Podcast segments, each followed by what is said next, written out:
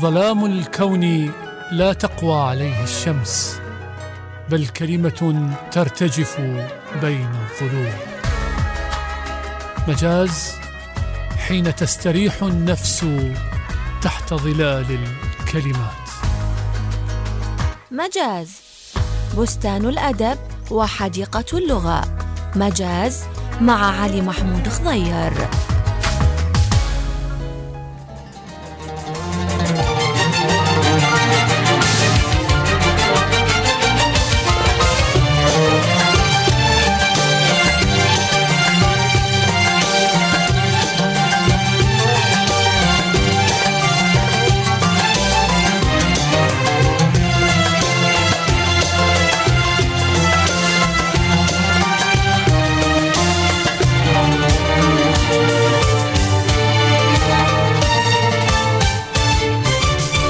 أطيب تحية وأجمل سلام لكم أحبتي مستمعين الكرام في كل مكان في لقاء جديد من لقاءات مجاز راديو تايمز سكوير.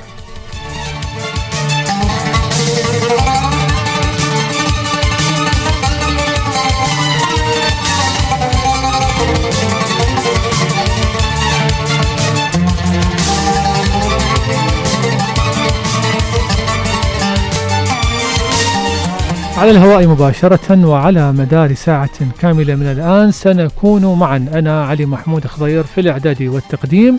يرافقني في الإخراج والتنفيذ الزميل المبدع مصطفى نزار. فرافقونا.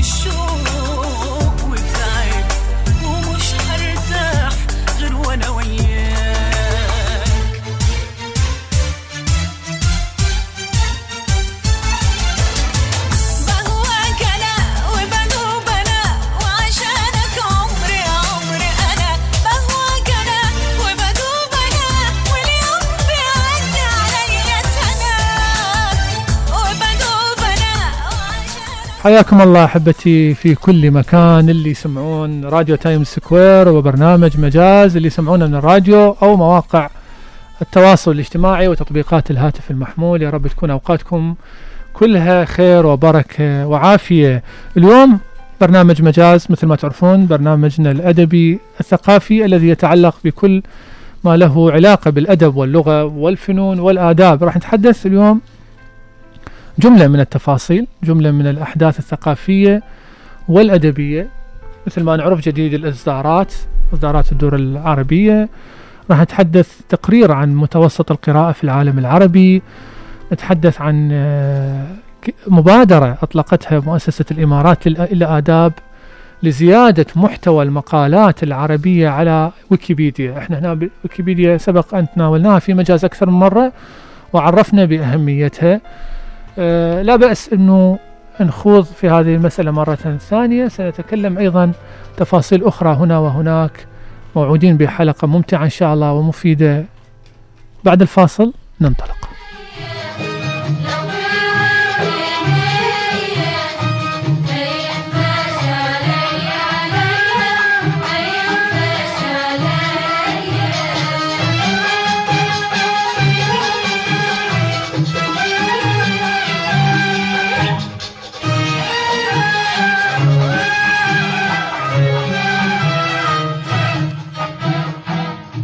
قلبي بيلمح طيفه قبل ما عيني تشوفه قلبي بيلمح طيفه قبل ما عيني تشوفه ده أنا دايما أوصافه.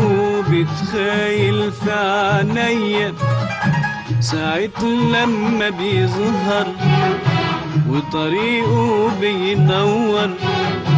ساعة لما بيظهر وطريقه بينور. مش ممكن أتصور ابدا غيره يأثر فيا غيره غيره يأثر فيا. نعم أصدقائي محمد فوزي وحبيبي وعنية آه، المس- المسابقة اللي أطلقتها مؤسسة الإمارات للآداب لزيادة المحتوى العربي على ويكيبيديا. إحنا شنو قلنا أول مرة نعرف الويكيبيديا موقع موسوعة عالمية حرة. مقالات ممكن أي شخص يضيفها يسوي اشتراك بسيط بالإيميل وبالباسورد ويبدي يكتب مقالات متنوعة ثقافية علمية اقتصادية كتابة عن شخصيات عن أحداث عن وقائع ويعطي نبذة عنها. للأسف كالعادة إحنا محتوانا العربي طبعا هي موجودة في كل اللغات الحية حول العالم لكن محتوانا العربي ضعيف جدا ويقع يعني أقل المقالات في الويكيبيديا هي المقالات العربية. هسه يجي واحد يقول أنا شنو أستفاد يعني الويكيبيديا؟ شنو يعني؟ وإذا ما موجودة ممكن أنا أبحث عن أي كلمة أو أي موضوع بالجوجل بشكل عام. مو صحيح أصدقائي. ال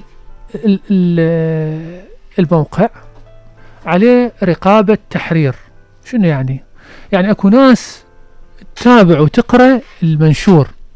من نقول مثلا آه نهر دجلة. مقالة بعنوان نهر دجلة في الويكيبيديا من تطلعها. المعلومات اللي تذكر ينبع من فلان مكان ويصب بفلان مكان طوله هالقد عرضه هالقد آه، يمر بالدول الفلانية. هاي المعلومات هناك من يراقبها؟ ويتحقق منها وإذا مو صحيحة يعدلها. زين هاي أهمية الموقع أنه يعطيك معلومة بها جودة معلومة بها دقة حقيقية. أما أنت إذا أي منتدى أو أي موقع أو أي صفحة آه، تويتر أو أي صفحة فيسبوك أجي وأنا أقول لك والله نهر دجلة ينبع من سوريا وهو يطلع بتركيا. يمر ب 15 محافظة عراقية وهو يمر بهالقد محافظة. هو هذا خلق لنا فوضى المعلومات على النت. هسه ليش دائما يقول لك أنت وين قرأت هاي والله قرأتها بالنت. آه يا معود حكي النت. صار حكي النت مثل حكي الجرايد. مثل قبل سامعين نقول حكي جرايد يا معود شنو السبب؟ السبب عدم التحري من دقة المعلومات. ففضيلة هذا الموقع إنه هو بدقة بالمعلومة هسه عدم دقة المعلومات مو مسألة هينة سوى مشاكل كثيرة. يعني كثير من الأهالي وال- والأمهات مثلا يأخذون خبر مثل إل- إنه إلغاء الامتحانات من موقع هم ما متأكدين منه.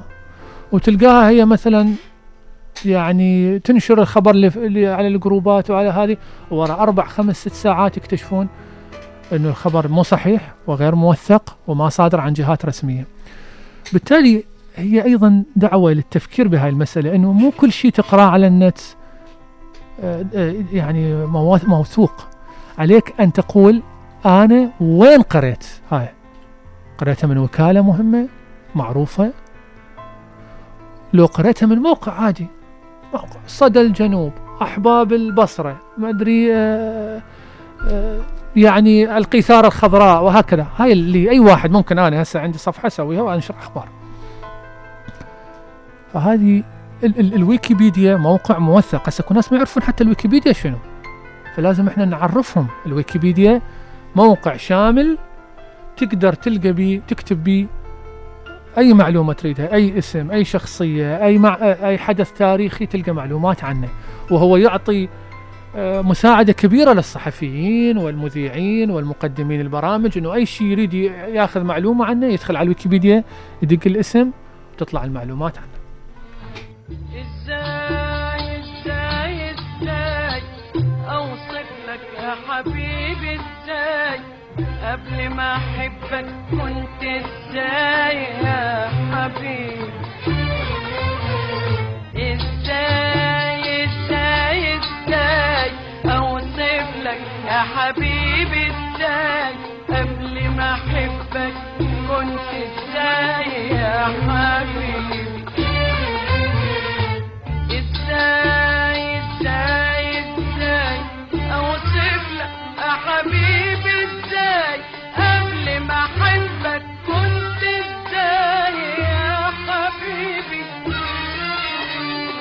إزاي إزاي إزاي لك حبيبي إزاي قبل ما أحبك كنت إزاي؟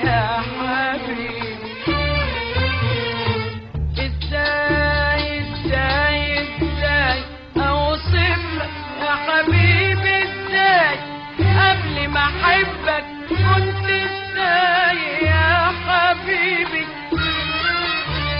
كنت ولا امبارح فاكره ولا عندي بكرة استناه نعم أصدقائي. طبعا مو معناها أنه موقع الويكيبيديا منزه عن الأخطاء. إحنا قلنا أنه هو open source يعني أي واحد ممكن يدخل ويسوي له اشتراك ويكتب معلومات. فبالتالي بالآونة الأخيرة كثرت بعض الم- المعلومات الخاطئة به أو الغير دقيقة. تبقى فترة معينة وعلى ما إذا مشرف من المشرفين أو محرر من المحررين ينتبه لها ويعدلها آه، يتلافون القضية. لكن إذا ما انتبه لها ممكن أن تكون معلومة خاطئة غير دقيقة وأيضا موجودة على الموقع. إحنا بشكل عام إحنا قلنا المحتوى العربي به ضعيف ولهذا إحدى المؤسسات ال- الخليجية سوت مسابقة يابا كتبوا كتبوا أنتم مقالات عربية ونشروها بالويكيبيديا ولكم جوائز. خلينا نروح لتقرير بصوت الزميلة شهلة محمد عن الموضوع وراجع لكم في مجاز خليكم ويانا. أطلقت مبادرة كاتب مكتوب التابعة لمؤسسة الإمارات للآداب وبالتعاون مع جوجل.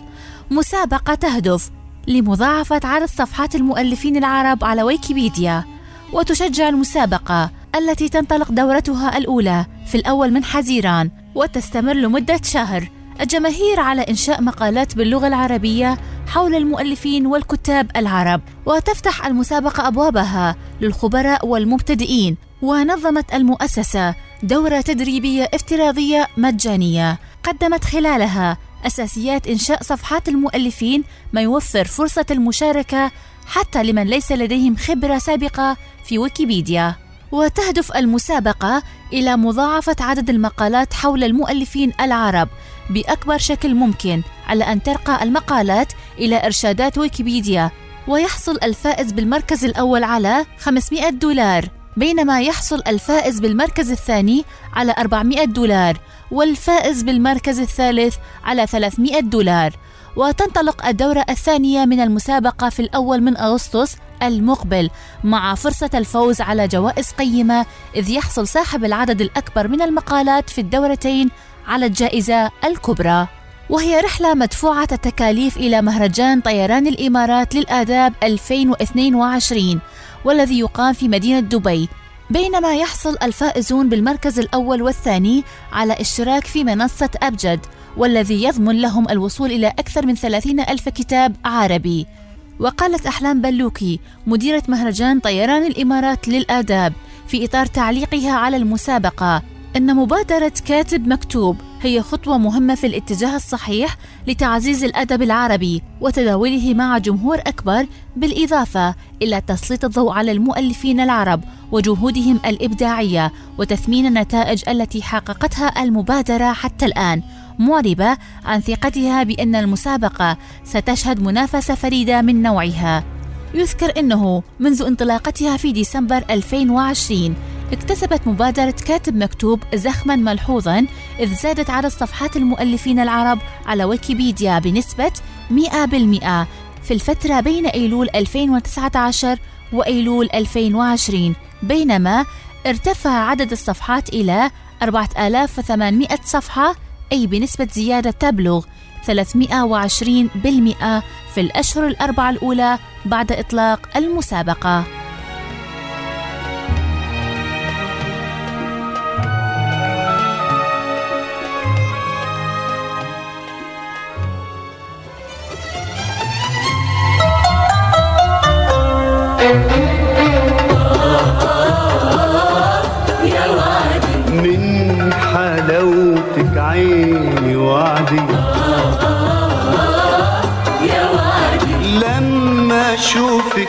أمشي متلخبط في بعضي.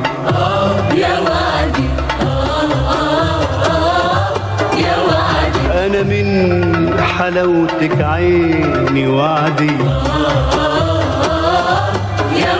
أنا لما أشوفك أمشي متلخبط في بعضي. الكلام ما بين شفايفك أحلى من كل الكلام. الهوى يلمس خدودك وردة هيفتح هواك ده الكلام ما بين شفايفك أحلى من كل الكلام. حياكم الله أصدقائي في مجاز من راديو Times Square بموجتنا 102.5 FM مشكلتنا واحدة من واحدة من مشاكلنا قضية المداومة على القراءة. يعني إحنا عندنا هسه الأطفال بما أنه إحنا في فصل قريب الامتحانات أه، تحس من, من تريد الأم أو ال- الأب أو الأخ الكبير أو الأخت الكبيرة يحثون المقابل على أنه أقرأ. مستقبلك وكذا والنجاح والحياة.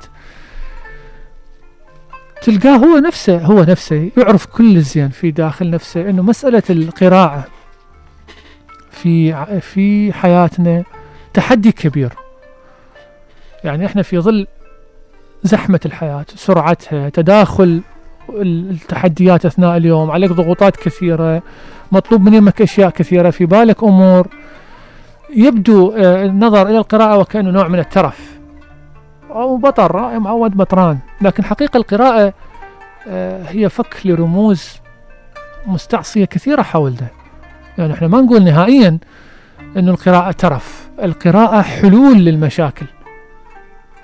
بالنهاية الطبيب الماهر أو المهندس الشاطر أو آه، العامل حتى العامل الحرفي. إذا ما عنده معلومة ما يقدر يشتغل. هاي المعلومة تأتي منين؟ من الاطلاع تأتي من القراءة تأتي من التواصل مع المصادر الحديثة ومعرفة أين وصلت شغلته اللي يشتغلها. يعني المونيتير المخرج المذيع. إذا ما يطلع على مصادر معينة تخل- تخليه على على تواصل مع ما وصلته مهنته في العالم راح يبقى متقوقع على نفسه وراح يبقى يجر آه، آليات قديمة وسياقات قديمة ويبقى معزول. نقول عليه صا- صار عليه تراب. القراءة لا تزال في في العالم العربي آه، أرقامها تضحك. مس- جايب لكم إحصائية. هسه راح نسمعها بصوت لبنى الفضل زميلتنا العزيزة. خلينا نسمع ال ال الأرقام اللي راح نقولها العجيبة في هذا التقرير ونرجع نعلق عليها.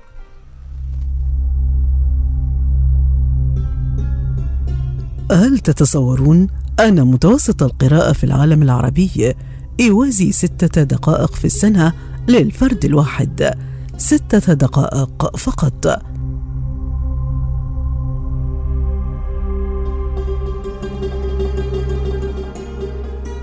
هل تصدقون بأن كتابا واحدا يصدر لكل ربع مليون مواطن عربي سنويا بينما في المقابل يصدر كتاب لكل 15 ألف مواطن في العالم المتقدم.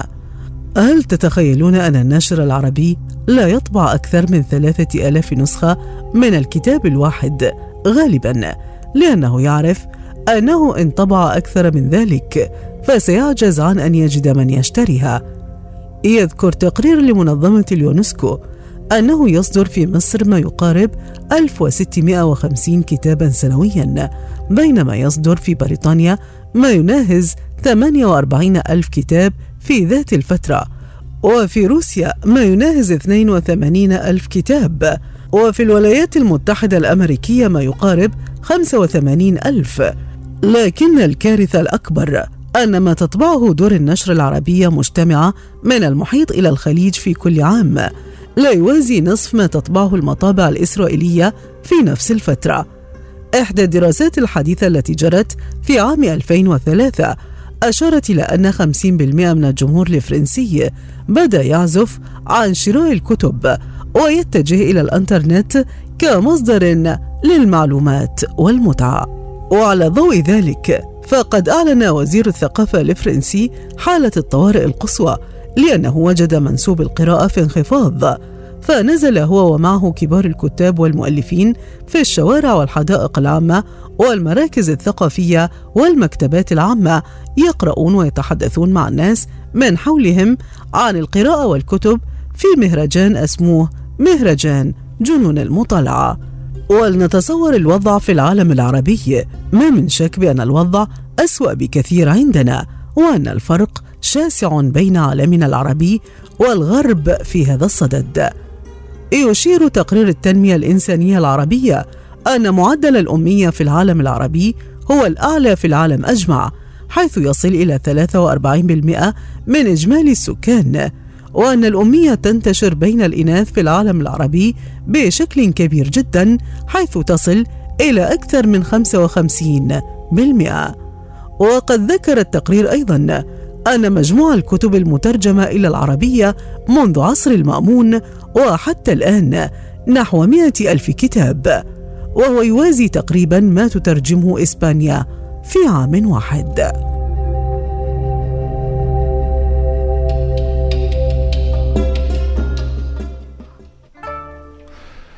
نعم أصدقائي من نعود لكم من جديد إحنا عندنا عباس محمود العقاد يقول مشكلتنا بالعالم العربي عندنا القراءة مثل الصخره يعني اقرأ يا معود رحمه الوالديك اقرأ يعني ويوزعون يعطون الكتب مجانا. أنا هاي ظاهرة عجيبة يعني.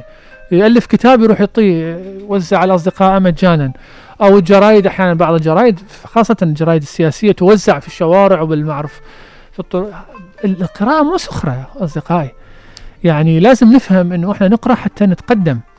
يعني أقول لكم معلومة واحدة حقيقة تشعرنا بال المفروض تشعرنا بالخجل. تعرفون إنه ثلث الشعب السنغافوري في آخر إحصائية. أه؟ مشترك في مكتبات عامة. يعني عنده كارنيه أو هوية يروح بمكتبه يقعد وياخذ كتب وي... ثلث الشعب.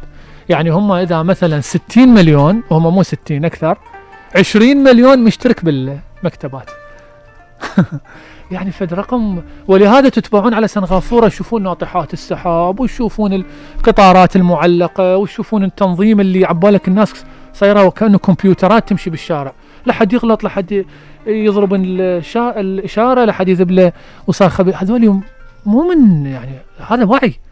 هاي ثقافة. هاي تحضر. اجى من خلال الاطلاع والقراءة و... وقراءة الفلسفة الحديثة وقراءة الفكر الحديث وعلم الاجتماع علم الاجتماع يعلمنا شلون يكون عندنا ذوق بالشارع شلون نتخلص من يعني المعتقدات البالية عاداتنا التعبانة. نريد نعلق إذا سمح لنا الوقت على مشكلة التنمر اللي صايرة يعني حقيقة واصلة إلى مستويات كارثية في مواقع التواصل الاجتماعي. وافترقنا بعدنا احترقنا وافترقنا وكان الليل كان الليل حضنه سرقنا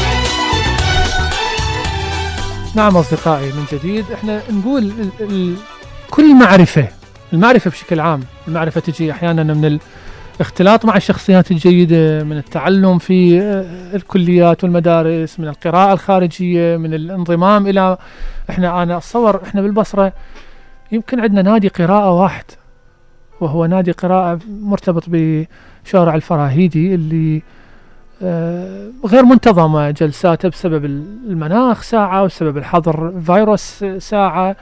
فإحنا نحتاج ما أعرف إذا كانت المكتبة العامة عندنا بالبصرة شنو أوضاعها الكتب اللي بيها؟ مصادر أكو عضوية لو لا أكو قاعات مجهزة أكو برامج. زين هي هل من المطلوب فقط إنه المؤسسة هي تسعى لاستقطاب الناس؟ لو المفروض الناس أيضا يكون عندهم. زين هذا يجرنا إلى سؤال آخر. ليش الناس تعزف؟ تعزف بمعنى مو معناها تدق على آلة تعزف بمعنى تبتعد عن القراءة أو تبتعد عن الشهادة أو تبتعد عن الاجتهاد. ربما لأن أكو شعور عميق في داخلها أنه هي ما راح تحصل على النتيجة المرجوة. لما تشوف واحد طالب ضعيف دراسيا ويجيب خمسين وستين يروح بفلوسه لكل ياخذ شهادة عليا من من جامعات آه، ربع ردن بين قوسين أكيد يتألم. يقول لك أنا قاعد هنا مطلع 90 و95 وأتساوى ويا شخص. هو النهار كله كان متغيب. ومو بس هاي قد يكون هذا الشخص الضعيف الفاشل هو اللي يحصل الوظيفة وهذا يبقى قاعد بالبيت. فانعدام منظومة القيم أيضا يلعب دور في تراجع الناس عن القراءة وعن الاطلاع. فكلها واحدة متعلقة بالثانية. هذا يعلق على قضية التنمر. إحنا حكينا مرة على المسألة هاي وصادفت انه كثير من الناس حقيقة كانوا كانوا لامس جرح بداخلها. التنمر ليس ظاهرة جديدة. أنا أتذكر أنا مواليد يعني من جيل الثمانينيات. كنا في المدرسة صف الأول ابتدائي ثاني ابتدائي ثالث ابتدائي ماكو طالب عندنا ما مطلعي له لقب. وألقاب عجيبة غريبة. الضعيف نقول هذا المسلوت. السمين هذا البرميل. اللي شوية راسه يعني شوية تحسه أبو صماخ. الفلان أبو خشم الفلان أبو براطم الفلان. وتشوف الجو مشحون ومتوتر والمعارك قابة وواحد مالخ الثاني وأثر نفسي شديد. يعني أنت من, من تغلط عليه وتقول له أنت أبو براطم وأنت أبو خشم وأنت إيش تتوقع يعني؟ يكيف يعني مثلا؟ لو يضحك لو يفرح. حتى اللي يضحك وياك. هو متألم بداخله. لا المؤسسة التربوية كانت تضع حد لهذه المسألة لأن إحنا كنا نشوف المعلمين هم اللي يطلعون ألقاب. أحيانا على الطلاب. اقعد انت راسك كنا كذا اقعد انت كنك ما أدري شنو. قاعد حقيقة يعني إحنا علينا أن نكون صريحين. حتى آبائنا حتى أمهاتنا يمارسون هاي السلوكيات المنحرفة. ليش هو الانحراف بس اخلاقي؟ لا. يعني انحراف منظومة القيم الداخلية الإنسانية. أنا لما أجرح إنسان ليش هو شنو بيده؟ يعني صار سمين. لو بيده طلعت عيونه بها مثلا مشكلة معينة. لو بيده يطلع قصير لو بيده يطلع طويل مو بيده. وحتى هاي مسألة إنه والله هاي خلقة الله ما أنا مو يعني لا نحدد نفسنا إنه والله إحنا ما نحكي على الآخرين لأن هاي خلقة الله؟ لا إحنا ما نحكي على الآخرين لأن عيب نحكي على الآخرين. لأن هاي مو إنسانية. يعني هذا مو خطاب متحضر لائق. إحنا ليش نقول ناخذها كلها؟ والله حلال وحرام. شفنا حتى الحلال والحرام انهارت منظومتها يعني قام الناس لا تحترم الحلال ولا تحترم الحرام. يتعارك ويا شخص يدخل عليه البيت يقتله ويطلع. ويتعاركون ذاك اليوم أشوف خبر. عركة عشائرية. شاهد عيان يقول على مود ألف دينار. ألف دينار ما أدري شنو اختلفوا بالسعر. نزل لي وما نزل لك. واو وش دعوة؟ وما أدري شنو. وحكايه منا وحكاية منا وصارت رمي على موضوع معاملة يعني عملة ب 1000 دينار. ما أريد نقول دجاج على دجاجة وعلى هايشة وعلى لا لا لا وصلت لي 1000 دينار. هاي مسألة مو هينة يعني ويراد لها أولا مؤسسة القانون بقوة والمؤسسة الدينية تلعب تلعب دور. أنا أشوف رجال الدين يتحدثون في كل قيم قيم الحياة. ما يخلون شيء ما يقولونه. هاي المسألة إيش عجب يعني غايبة. أطلع فتوى شجاعة وأقول يابا حرام. ما يصير تدمرون العالم. وشفنا إحنا هاي قضية الممثل خطية. آه، فائز. اللي تعرض إلى ضرب وحادث مجهول واعتداء. وكانوا يجيبونه للمسرحيات حتى آه، ينصبون عليه بين قوسين. هسه واحد يقول لك والله اي المسرح العراقي انهار. لا لا لا. حتى المسرح المصري بهاي الظواهر ترى. رحمة الله على سمير غانم رحل قبل أيام. واحدة من مسرحياته اللي طلعت في أيام آه، بيل كلينتون. جاب شخصية آه، ذوي احتياجات خاصة قصيرة وسماها مونيكا واشتغل. من دون مراعاة أنه هذا تنمر يترك جروح عميقة في النفس. لا يمكن لأي كلام أن يشافيها.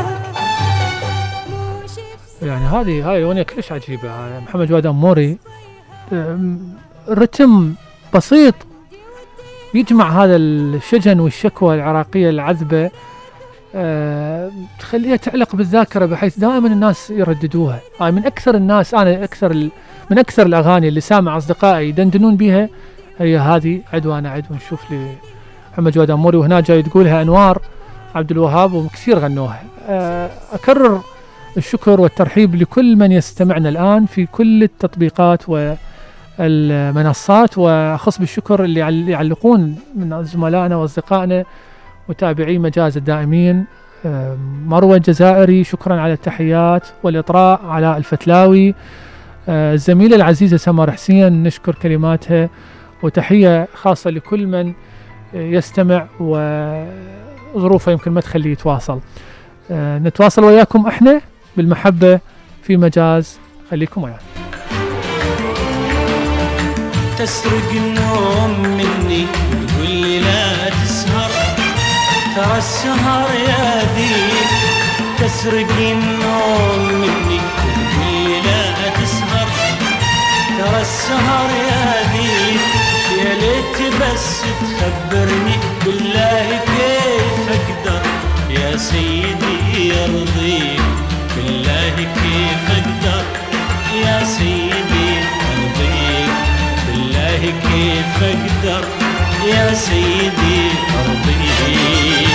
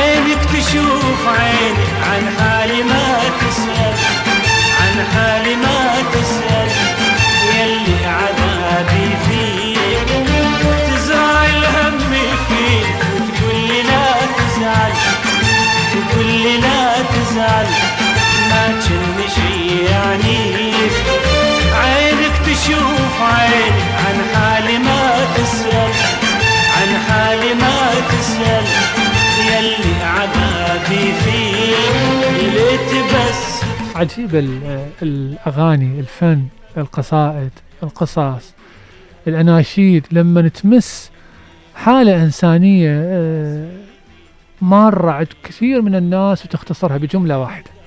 شايفين هاي اللحظة لما يكون ال- بعض العلاقات مثلا إذا حب من طرف واحد مثلا أو ربما حب ممنوع. وهذا كان شائع في زمان أزمان طيبة الآن ماكو شيء ممنوع. آه لما تكون أنت تنظر إلى عين الحبيب أو الحبيب ينظر إليك وما تقدرون تكملون ال- ال- الحديث أو ممكن ما تقدرون تح- تتحادثون أصلا يعني. آه هذا هذا ال- الحرمان أو هذه اللوعة اللي هي تحفر بالروح وبقدر ما هي تعمق العلاقة وتخليها آه شيء أشبه بالسحر والمعجزة. ولهذا تشوف أنت قصص الحب قوية ما. يعني لا نظام اجتماعي يوقفها لا أعراف لا يعني كل القصص اللي عندنا بقت خالدة قيس وليلى وجميل بثينة وغيرها وغيرها حتى قصصنا الحديثة يعني المعاصرة تشوف الحب إذا كان حقيقي وصادق صعب لا لا قناعات أنا والله قبل آه، أسبوعين أو ثلاثة أحد أصدقائي كان أيضا آه، يعني متقدم لبنية أو يريد يتقدم لبنية وأهله ما قابلين. وكان هذا الخلاف الفكري تعرفون؟ يعني المستمع اللبيب يعرف. الخلافات الفكرية بين عائلة الرجل وعائلة المرأة تمنع هذا شنو اللي خلاهم؟ طبعا الأم كانت كلش متشنجة وأطلع من البيت وأتبرى منك والأب كذلك. قوة العلاقة والحب وهاي شلون دقت الرجل إنه إحنا واعيين وكبار ونعرف إن اختيارنا صح اتركونا نجرب. حتى إذا أخطأنا فإحنا راح نتحمل المسؤولية. ما راح نقول والله والله أنا مشيت بشور ابويا وخسرت. خلوه حتى لو هو يجرب وهو يخطئ راح يقول آه والله أنا ب- بخياري باختياري.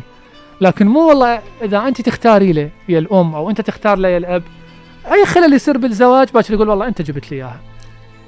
شفت؟ انت يعني مشكلتك. أنتوا دمرتوا حياتي. ف ما نريد يعني نطلع عن الموضوع كثير. هذه شوف وين وين بدينا؟ بدينا بسعدون وانتهينا بكيف تخلي الإنسان يختار آه ويتحمل مسؤولية اختياره. أروح لشريط الكتب. شريط الكتب اليوم راح اتناول به كتابين مهمين. واحد أجنبي آه، ثلاثة كتب طبيعة الزمان والمكان لستيفن هوكينج وآراء وأحاديث لساطع الحصري الكاتب العراقي حقيقة اللي لم ينل العناية والاهتمام. أنا ما أعرف ليش ساطع الحصري إحنا عندنا واحد مثل ساطع الحصري وما نقرأ له زين ولا مهتمين به. عجيب. وكتاب اسمه العواصف العقلية للكاتب المصري مهيب نصر. أسمع تقرير يضم نبذة عن هذه الكتب بصوت الزميلة فاطمة علي ونرجع لكم.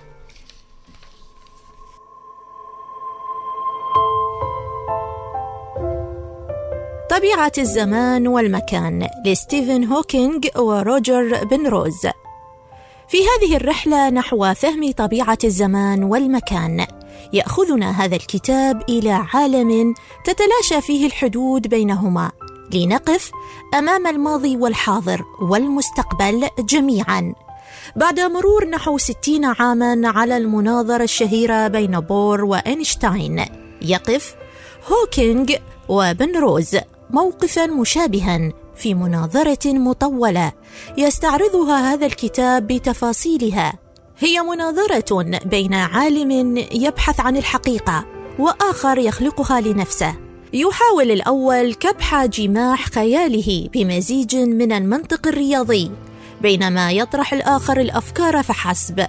علها تجد من يستفيد منها ليكمل أحجية الكون الذي نعيش فيه.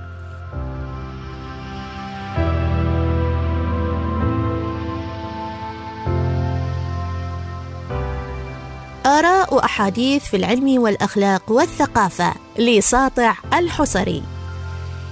حمل المفكر ساطع الحصري على عاتقه محاربة فرض السيادة على الدول العربية.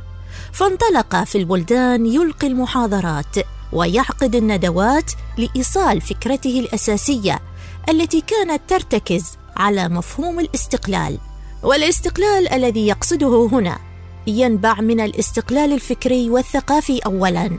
ولما كان التعليم إحدى أهم أدوات زرع قيم الانتماء حرص الحصري على إعطائه الجزء الأكبر من اهتمامه عن طريق تثقيف المعلمين ومدهم بوسائل إيصال هذه المفاهيم. والمؤلف هنا إنما يجمع شتات فكره وأنشطته حول جوانب تذهب كلها إلى غاية واحدة. ألا وهي وحدة الثقافة العربية وجعلها رمزا لهويتنا العربية من غير إهمال الثقافات الأخرى التي من الضروري الاستفادة منها.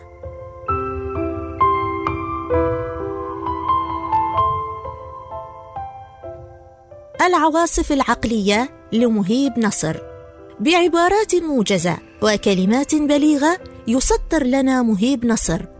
هذا الكتاب المتميز بأسلوب أدبي لا هو بالمعقد العسير ولا البسيط اليسير ويحوي بين طياته مجموعة من النصوص الأدوية ليست بالقليلة. يفصح كتابنا من خلالها عما يعصف بعقله من أفكار ورؤى نابعة من شخصه حيال الكثير من الأمور الحياتية وما يغمر قلبه من مشاعر الحزن والأسى والوحدة والحنين للعودة إلى موطنه. وتنقسم هذه النصوص إلى ثلاثة أقسام ضمائرية أنا وأنت أنت ونحن. وفيها يحدثنا عما يدور بخاطره عن نفسه وعن أحوال الإنسان ومعيشته ويبدي آراءه حول مختلف أوضاعنا الفكرية والاجتماعية والسياسية والدينية. وما آلت إليه في زماننا الحالي.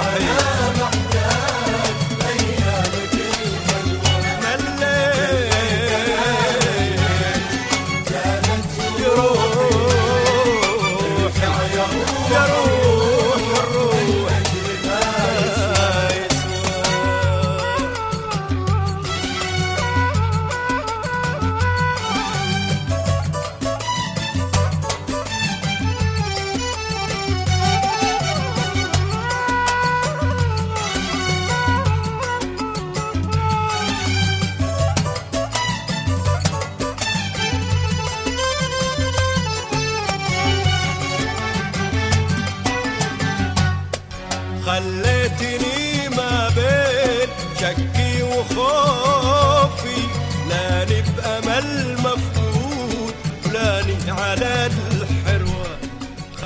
نعم أصدقائي مستمرين وياكم في برنامج مجاز من راديو Time Square.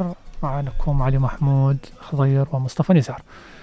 في حديقة الموسيقى إحنا في البرنامج عادة بين فترات متقاربة أحيانا متباعدة نتناول بعض الموضوعات اللي لها علاقة بالموسيقى أو ال- الطرب أو الغناء. حبيت أنه أعلق على أه، فرضية مقام اللامي. نسمع.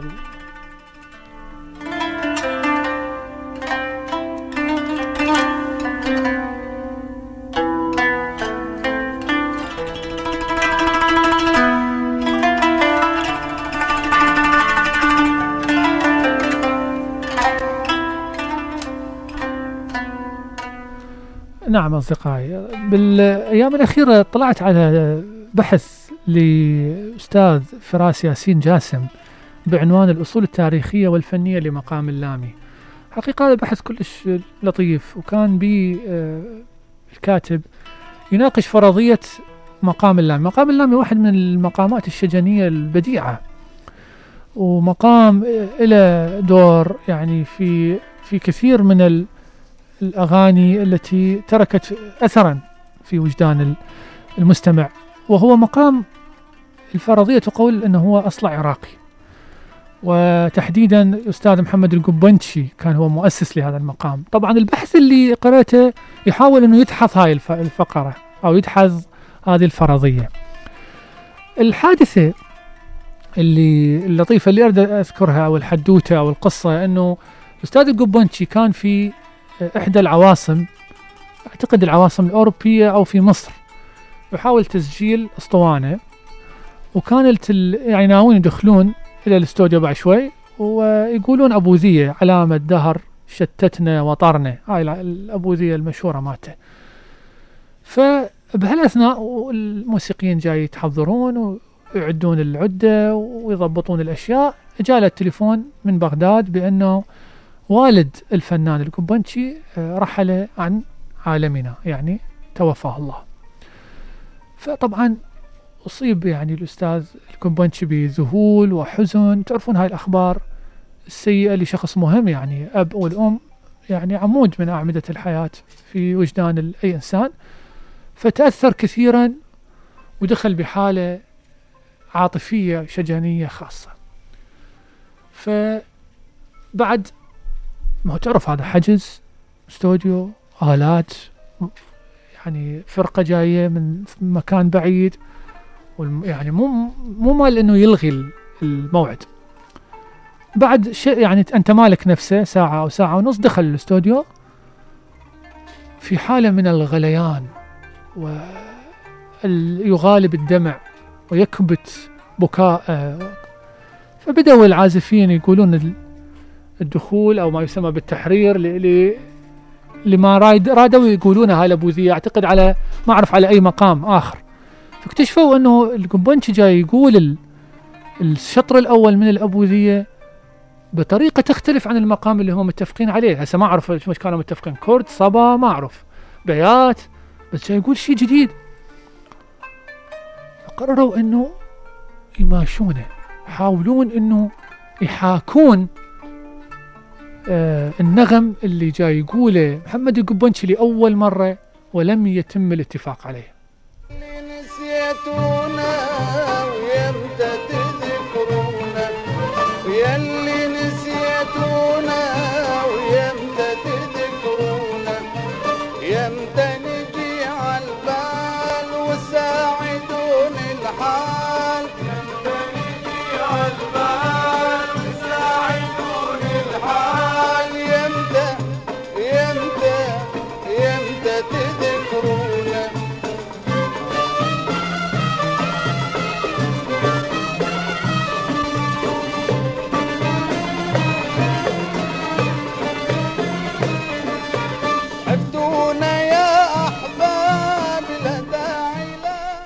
نعم طبعا ورا ما كملوا الوصلة الغنائية سألوه قالوا له أستاذ إحنا متفقين على فلان مقام أنت جاي تقول أشياء جديدة يعني ما متعودين عليها.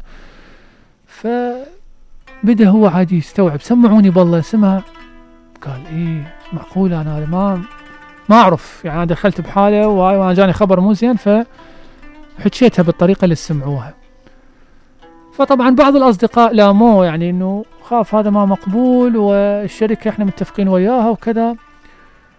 البعض الآخر من الموسيقيين قالوا لا والله هذه ابتكار وهذا قد يكون لون خاص جديد وقد تكون هاي اللحظة آه، خاصة. فخلينا نسمي هذا ال- ال- النغمة اللي تأديتها. فقرر آه، أستاذ القبنشي بعد أن سمع ملامات من الأصدقاء وبعد أنه هو ألام نفسه بأنه لم يلتزم بالمقام اللي كان ناوي يأديه فقال هذا نسميه هذا لوم هذا لام لا لا لمتوني أو لامي نسميه مقام اللامي.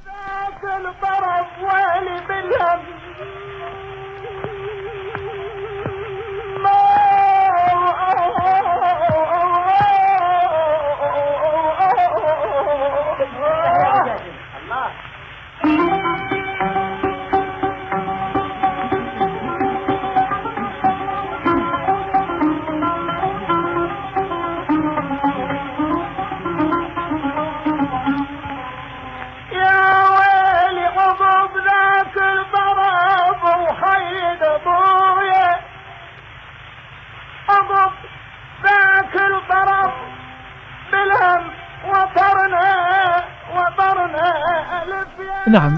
آه، طبعا هو الكاتب فراس ياسين بعدين يبدي يقول إنه هاي رواية تاريخية ويبدي يحاول أن يقلل من قيمتها ويعطي فرضيات يقول إنه السلم الموسيقي اللي لا يعتمد علامات تحويل كثيرة هو موجود هذا سابقا وخاصة في العصر العباسي ويبدي يطرح عليه أمثلة. البحث طويل وقت يعني ما يسمح لنا إنه نتداوله ولا أريد أدخل كثير في الكلام الفني بحيث المستمع ربما يبتعد عن الموضوع. أنا ردت أشير إلى انه محمد عبد الوهاب لما سمع القبنشي يقول مقام اللامي لأول مرة في مهرجان الموسيقى العربية ر- راح له للفندق.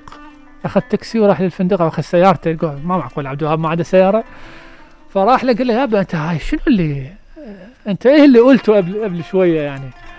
قال له والله هذا عندنا مقام إحنا نسميه اللامي. قال له يلا ممكن تعطيني السلم. شيء بديع هذا. فأخذ عبد الوهاب موسيقار الأجيال أخذ كل خلينا نسميها العناصر التكوينية لهذا المقام وسوى أول أغنية في الغناء المصري على مقام اللامي هي يلي زرعت البرتقال أو البرتقال. في أحد الأفلام آه، قالها ويا إحدى المطربات خلينا نسمع هاي الأغنية بمقام اللامي. بنكهة عبد الوهاب.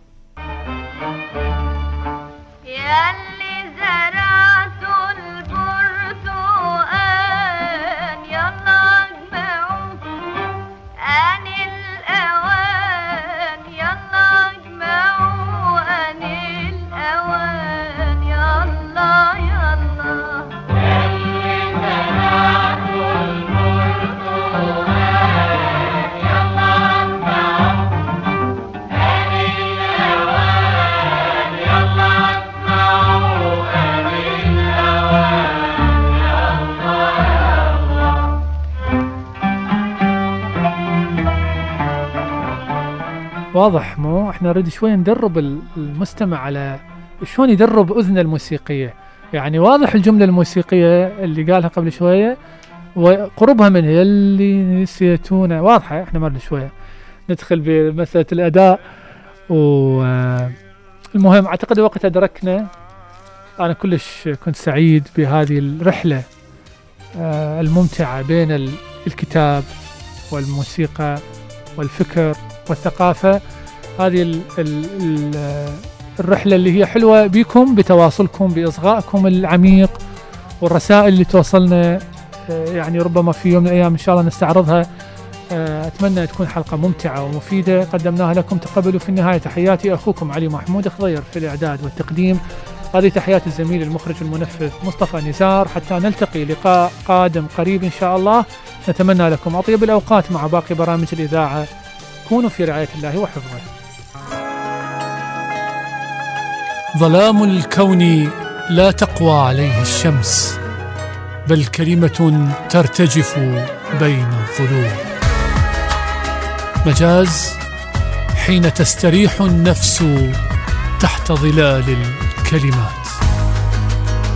مجاز بستان الأدب وحديقة اللغة. مجاز مع علي محمود خضير.